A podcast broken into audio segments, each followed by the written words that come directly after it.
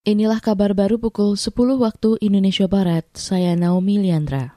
Presiden Joko Widodo hari ini berangkat ke Washington DC, Amerika Serikat.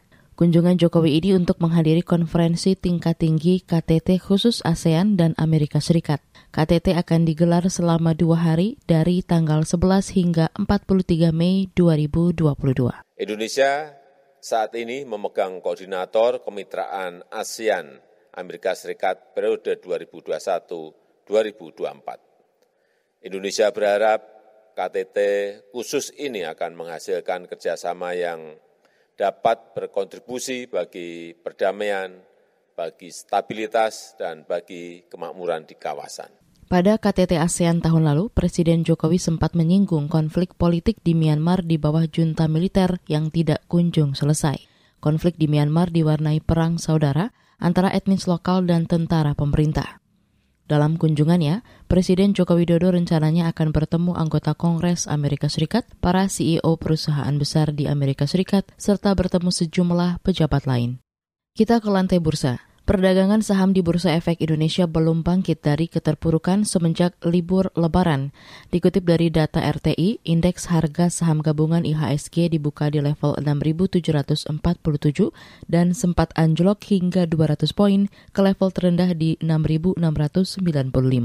Pada penutupan perdagangan Senin kemarin, IHSG ditutup melemah ke bawah level 7.000. Pelemahan didorong kenaikan suku bunga The Fed sebesar 50 basis point.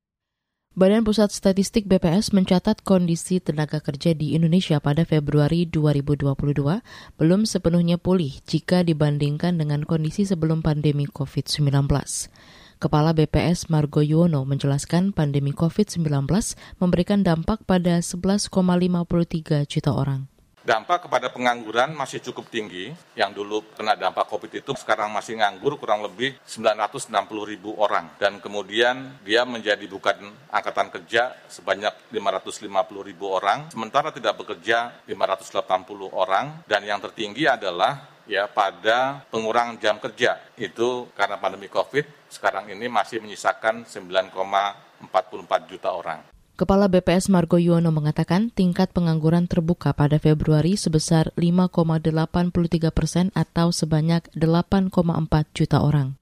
Jika dibandingkan dengan bulan yang sama tahun lalu, angka pengangguran turun dari sebelumnya 6,26 persen atau 8,75 juta orang.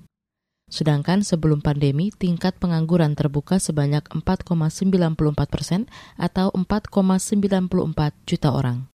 Demikian kabar baru KBR, saya Naomi Liandra.